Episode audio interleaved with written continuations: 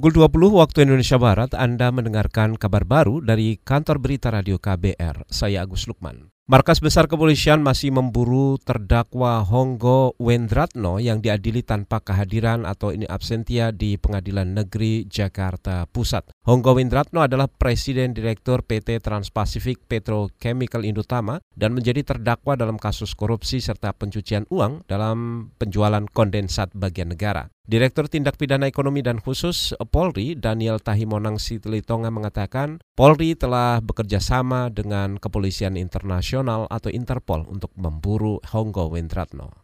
Sebenarnya kita sudah kepolisian sudah menyerahkan secara penuh dan sekarang ini sudah pada proses peradilan di peradilan Jakarta Pusat. Kan gini, proses peradilan ke itu ada untuk kasus tindak pidana korupsi masih eh, boleh dilakukan peradilan in absentia. Ini yang sedang sekarang dilakukan. Tetap kita lakukan karena kan red notice sudah sudah kita sebarkan seluruh dunia. Direktur Tindak Pidana Ekonomi dan Khusus Bares Krim Polri Daniel Tahi Monang Silitonga, berdasarkan audit investigasi Badan Pemeriksa Keuangan BPK, PT TPPI yang dipimpin Honggo Wendratno sudah melakukan lifting kondensat sebanyak lebih dari 33 juta barel sejak 2009 hingga 2011. Ia diduga merugikan keuangan negara hingga 2.700 dolar Amerika atau setara 35 triliun rupiah. Kepolisian menyebut dua tersangka lain dalam kasus yang sama, yaitu bekas Deputi Ekonomi dan Pemasaran BP Migas Joko Harsono dan bekas Kepala BP Migas R. Priyono sudah dalam proses peradilan.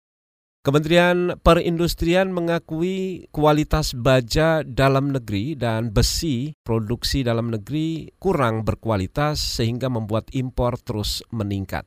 Menteri Perindustrian Agus Gumiwang Kartasasmita mengatakan industri baja dan besi milik swasta maupun pemerintah masih lemah kualitasnya.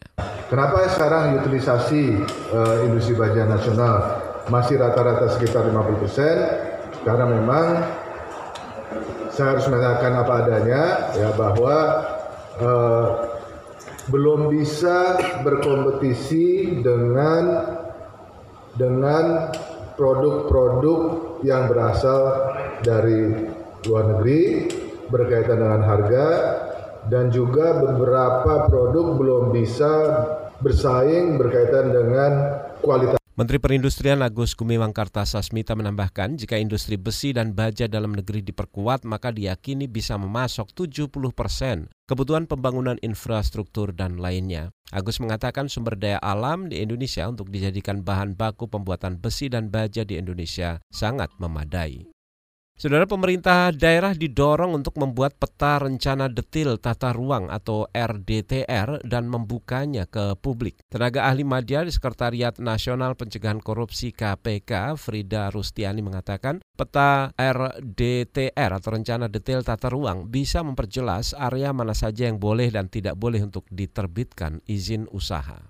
Tapi dari sisi korupsi misalnya kalau sesuatu tidak jelas, gelap, jadi ada banyak kepentingan gitu loh. Makanya kenapa RDTR ini lama atau sulit dibentuk itu karena kita ngelihat ada kepentingan dari pejabat yang mungkin kalau diperjelas sulit kan di, dimainkan lah istilahnya sulit dimainkan. Komitmen kalau mereka mau memperjelas bikin terang semuanya, didigitalisasi semua masyarakat di mana pun orang mana pun bisa lihat peta itu. Tenaga ahli media dari Sekretariat Nasional Pencegahan Korupsi KPK, Frida Rustiani menambahkan pembuatan peta rencana detail tata ruang atau RDTR perlu waktu yang panjang karena butuh komitmen semua pihak di daerah untuk serius menangani masalah perizinan yang sering kali disalahgunakan sebagai pintu masuk praktek korupsi.